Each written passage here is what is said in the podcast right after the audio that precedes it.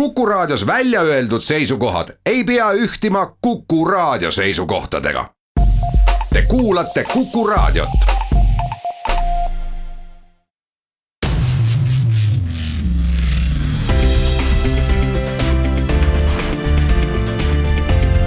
teel olümpiale tervist, head kuulajad. kuku raadio saade Teel olümpiale tervitab teid, kui kaheksa päeva jääb täpselt PyeongChangis kahekümne kolmandate taliolümpiamängude avamiseni meil on selle saatesarja viimases väikeses minisaates hea meel vestelda jätkuvalt Eesti olümpiakoondisest, mis on paika pandud. ta on, koosneb kahekümne kahest sportlasest, kokku neljakümne seitsmest liikmest. üks ütlemata oluline osis Eesti olümpiakoondisest on jäänud seni tutvustamata, see on Eesti laskesuusakoondis. ja hea meel on sellest, et kindlasti laskesuusatajad said kergema südamega hingata, teades enam-vähem juba oma kvooti ja arvu ja rahulikult juba olümpiamängudeks valmistuda. kuidas see valmistumine on kulgenud, milliste ootustega minnakse? Sellest hakkame kohe rääkima Indrek Tobrelutsuga, Eesti laskesuusakoondise treeneriga, tervist, Indrek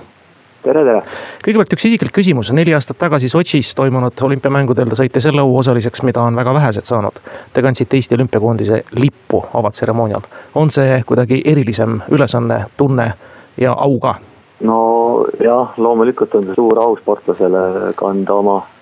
oma riigi lippu sellisel suurel spordiüritusel, et äh, minu puhul oli sellel hetkel muidugi raske otsustada selle kasuks, et, äh, et seal oligi küsimus, et kas seda teha või mitte, kuna meil avamistseremoonia on selline päris pikk protsess ja, ja meil järgmisel päeval oli tegelikult äh, võistluspäev, et siis, siis seal, see oli väike selline enda jaoks selline mõtlemiskoht, et kas seda teha või mitte, kuidas võistlustulemusele võib mõju avaldada, et aga jah, kuna nii-öelda medalisoostkonna rajale ei läinud, siis igal juhul langes kasu öö, otsus just sellele poolele, et, et seda lippu siiski kanda ja, ja, ja sellest sellest päevast on head mälestused. sealtsamast Sotšist tuli ka teie olümpiakarjääri parim tulemus, mis oli siis individuaaldistantsi kahekümne üheksas. Teie olete viiekordse olümpiakogemusega laskesuusataja, nüüd olete esimest korda võistlustuule treenerina, teate kindlasti väga hästi, mida tähendab see neli aastat kui tähtsaim võistlus võib-olla siis sportlaste endi tarvis. kui palju ta nüüd erineb sellisest igahooajasest tavalisest tiitlivõistlusest, mis iga hooaja keskel tavaliselt või lõpupoole on laskesuusatajaid ees ootamas? ega ta nüüd tehniliselt ei erinegi, lihtsalt jah, sportlased ise kõik sportlased, kes selleks valmistuvad või üldse oma sportlaskarjääri alustavad, siis, siis öö, äh, oma eesmärgid öö, äh, seovad öö, äh, just olümpiamängudega ja, ja, ja, ja just seal õnnestumine on iga sportlase jaoks selline unistus, mille nimel seda rasket tööd tehakse ja, ja pigem on ta selline psühholoogiliselt sportlasele raskem, et, et ta teab, et tal on see võimalus, ütleme sportlas, kui sa oled tippsportlane, siis sul neid olümpial osalemise kordi üldjuhul väga palju ei teki, et sul selles suhtes on nagu psühholoogiliselt raske, et et sa ei tohi sellel eelneval perioodil vääratada, haigestuda, et ja, ja siis, kui sel hetkel, kui see hetk käes on, siis väga lihtne on kõrbeda just eriti laskesuusatamises, kus psühholoogiliselt, mentaalsel poolel on päris palju mõjutab just seda, just seda sooritust, et, et lasketiirus võib nii-öelda saatuslikuks saada just selline mentaalne just läbikõrbemine, et, et selles suhtes. On see olümpia kindlasti iga sportlase jaoks erinev, kuna ta, kuna ta tõesti ainult nelja aasta tagant toimub, et meil tiitlivõistlused, maailmameistrivõistlused äh, toimuvad laskesuusatamises igal aastal, et, et seetõttu on nagu psühholoogiliselt lihtsam võistelda, kuigi jah, tehniliselt kõik on täpselt samamoodi, et ei ole vahet, kas, kas sa võistled maailmakarika etapil või või maailmameistrivõistlustel olümpiamängudel, et aga jah, vaimselt on ta sportlase jaoks kindlasti selline paras pähkel. räägime meie koondisest ka, niisiis viis meest, üks neiu, Kauri Kõiv, Roland Lessing, Kalev Ermits, Rene Tsahkna, Juhan Talihärm ja Johanna Talihärm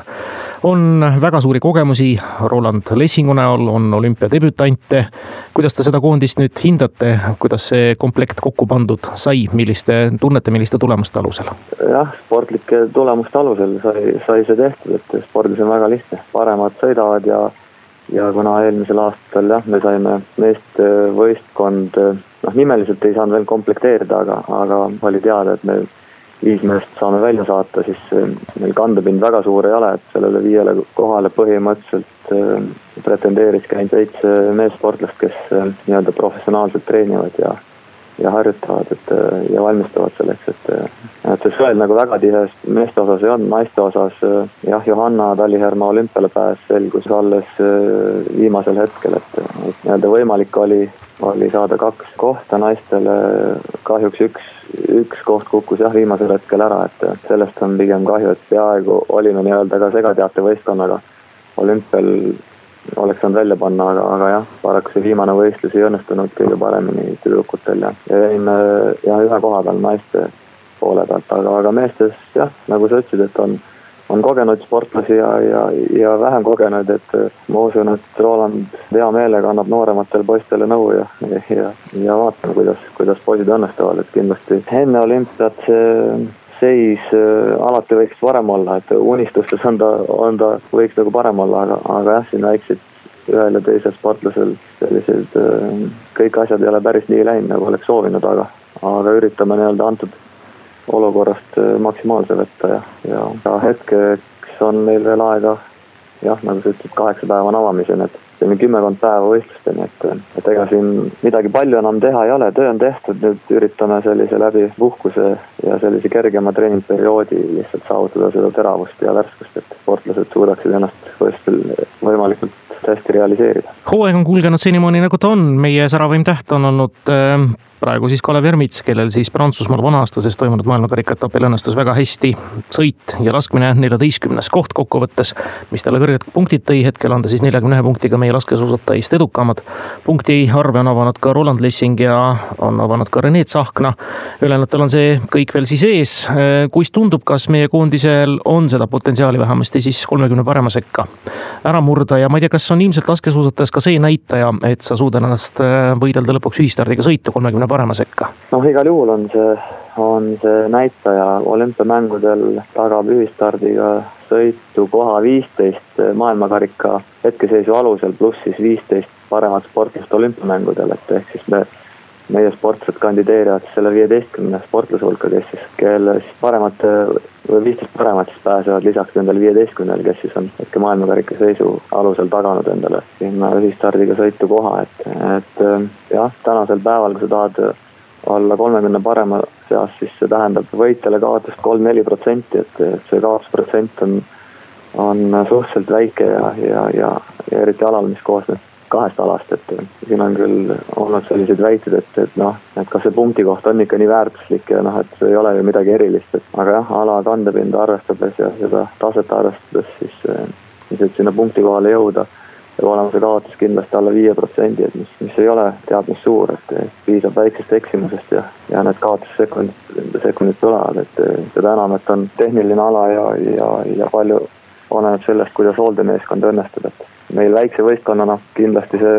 lihtne nende suurtega, suurtega võidelda, võidelda ei ole, aga kolmekümne hulka sõita potentsiaali kindlasti on äh, kõikidel nendel sportlastel, et kes meil starti lähevad, et, äh, vist nimekirjast jäi Johanna Talihärm välja, et kes oli ka kahekümne üheksandaks tulnud maailmakarika etapile. jah, õige.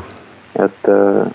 et kõik on nagu punktile jõudnud ja kindlasti olümpial võrreldes maailmakarikaetapiga mõnevõrra on see lihtsam tulla kolmekümne hulka, kuna maailmakarikaetapil on igast riigist kuus sportlast peal, siis, siis tiitlivõistlustel üle nelja pluss siis eelmise olümpiavõitja saab, saab lisakoha, et üle viie, viie koha siis starti saab panna, et noh, et selge see, et Norra Venemaa no Venemaad jah, nüüd kõik oma lipu all küll võistelda ei saa, aga nendel suurtel riikidel on neid häid ja tugevaid sõitjaid palju, et, et kindlasti see teeb meile nagu olukorra vähe lihtsamaks, et sinna ettepoole jõuda. mehed on näidanud, et nad on võimelised sinna sõitma ja, ja loodame, et nad ka sõidavad. et loomulikult tähendab see sellist head õnnestumist ja mitte ainult meeste endi poolt, vaid,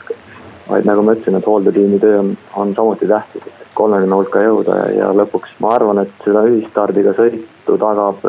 vähemalt äh, kahekümne hulgas äh, koht peab olema vähemalt üks kord ja, ja, ja,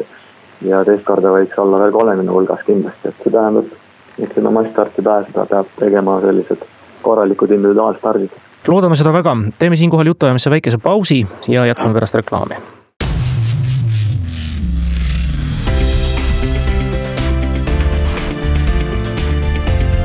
teel olümpiale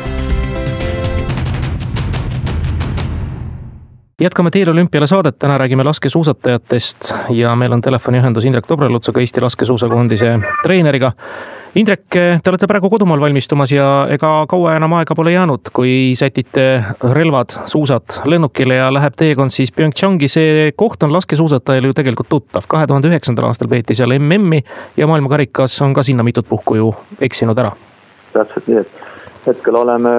oleme jah Otepääl ettevalmistuslaagris mida väga tihti ei juhtu, et, et üldiselt oleme kasutanud keskmäestiku tingimusi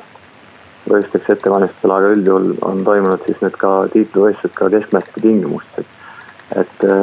et antud olukorras äh, arvasime, et, et see on nagu mõistlikum lahendus ja, ja meil lumeolud ja tingimused tegelikult Otepääl on hetkel väga head, et, et kindlasti saab teha väga hea ettevalmistuse. aga seal Pyeongchangis on toimunud äh, toimunud kaks tuhat kaheksa maailmakarika etapp, siis kaks tuhat üheksa mm, oli maailmameistrivõistlused ja, ja, ja ka eelmisel aastal oli maailmakarika etapp seal. et ise olen seal kolmel, kolmel korral käinud ja, ja lähtuvalt sellest eh, jah, kogemusest siis otsustasin, et, et sellist keskmäestiku laagri ettevalmistust ei ole, ei ole seekord mõtet teha, et, et seal eh, kõrgust merepinnast on kuussada meetrit, et ei nagu, ei vaja erilist ettevalmistust keskmäestikus ja, ja, ja Otepääl on, on Pyeongchangiga sarnased, sarnased suusarajad, et ei pea nagu kaugelt eh, kuskilt neid, neid selliseid lähedaseid tingimusi otsima ja, ja samuti, samuti Pyeongchangis on väga keeruline lasketiir, mis, mis on tegelikult ka Otepääl just, et on nagu tuultele avatud ja Otepää on üks Euroopa üks raskemaid lasketiire tegelikult, et selles suhtes on need tingimused meil kodus olemas, mis, mis meid seal ees ootavad. et jah, valmistume, valmistume kodus ja loodan, et suuri vigu ei tee siin viimasel ettevalmistusetapil loomulikult, kõik me seda loodame. Indrek, te olete lasketreener meie koondise juures, milles täpselt seisnevad, seisnevad teie ülesanded suusatreener ilmselt siis Ilka Luttuneni kõrval? täpselt selles seisnebki, et lasketreeningu ülesehitus. et, et Ilka Luttunen teeb füüsilise ettevalmistuse kava ja, ja mina seon selle laskmisega, et ega siin midagi väga, väga keerulist ei olegi, et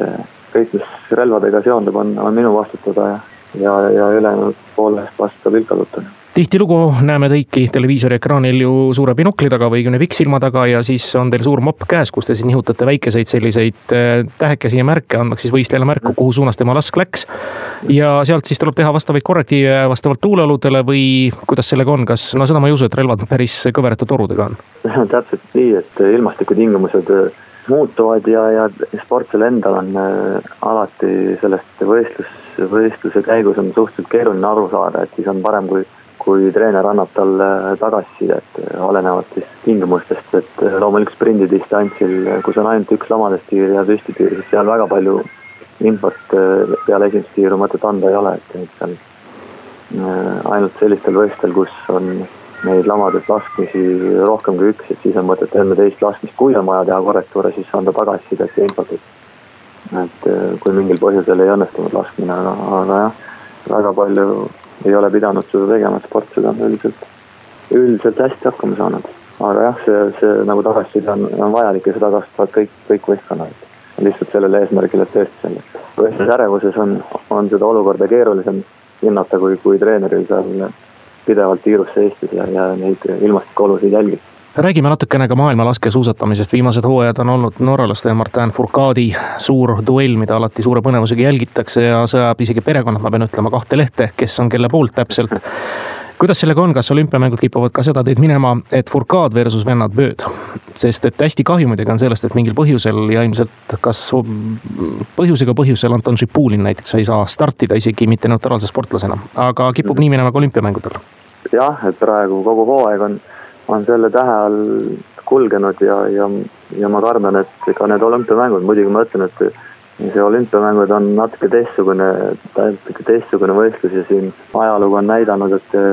kõrbevad ka kõige kindlamad favoriidid, aga, aga jah, nendel tegelikult, kuigi mõlemad on noored mehed, siis neil on piisavalt palju sellist kogemust juba, et sellistes oludes hästi hakkama saada, et no et jah, öö on selline võib-olla tema puhul võib seda isegi juhtuda, et ta, kas ta just päris medalist ilma jääb, aga, aga see tõenäosus on suurem muidugi. et see Furcade on küll viimased kuus hooaega valitsenud, et seal ja, ja seda enam, et nüüd venelastel on nii-öelda piirangud peale pandud, et see tiiki peal heitlus on natuke, natukene selle võrra lihtsam temal, et ma, ma arvan küll, et seal sellist, kas siis öelda, et puht, puhta töö teeb, aga, aga omajagu medaleid ta sealt korjab, selles ma olen täiesti kindel. Aga nagu ma ütlesin, et see on, need ajalugu on näidanud, et sellised kindlad favoriidid teinekord põruvad, et saab näha. et noh, meie alal midagi kindlat ei ole ja, ja ega Burkatski on inimene ja, ja eksib temagi vahest, et aga jah, tundub suunda minemas, et, et eks need kaks omavahel seal teevad asjad selgeks ja siis vaatame, mis teistele jääb nagu ütlesite, sel alal pole midagi kindlat ja seda põnevamaks see loomulikult laskesuusatamise teeb ja kaasaelamisega.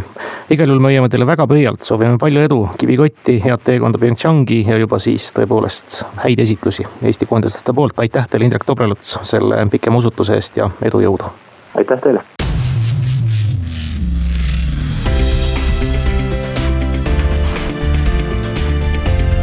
teel olümpiale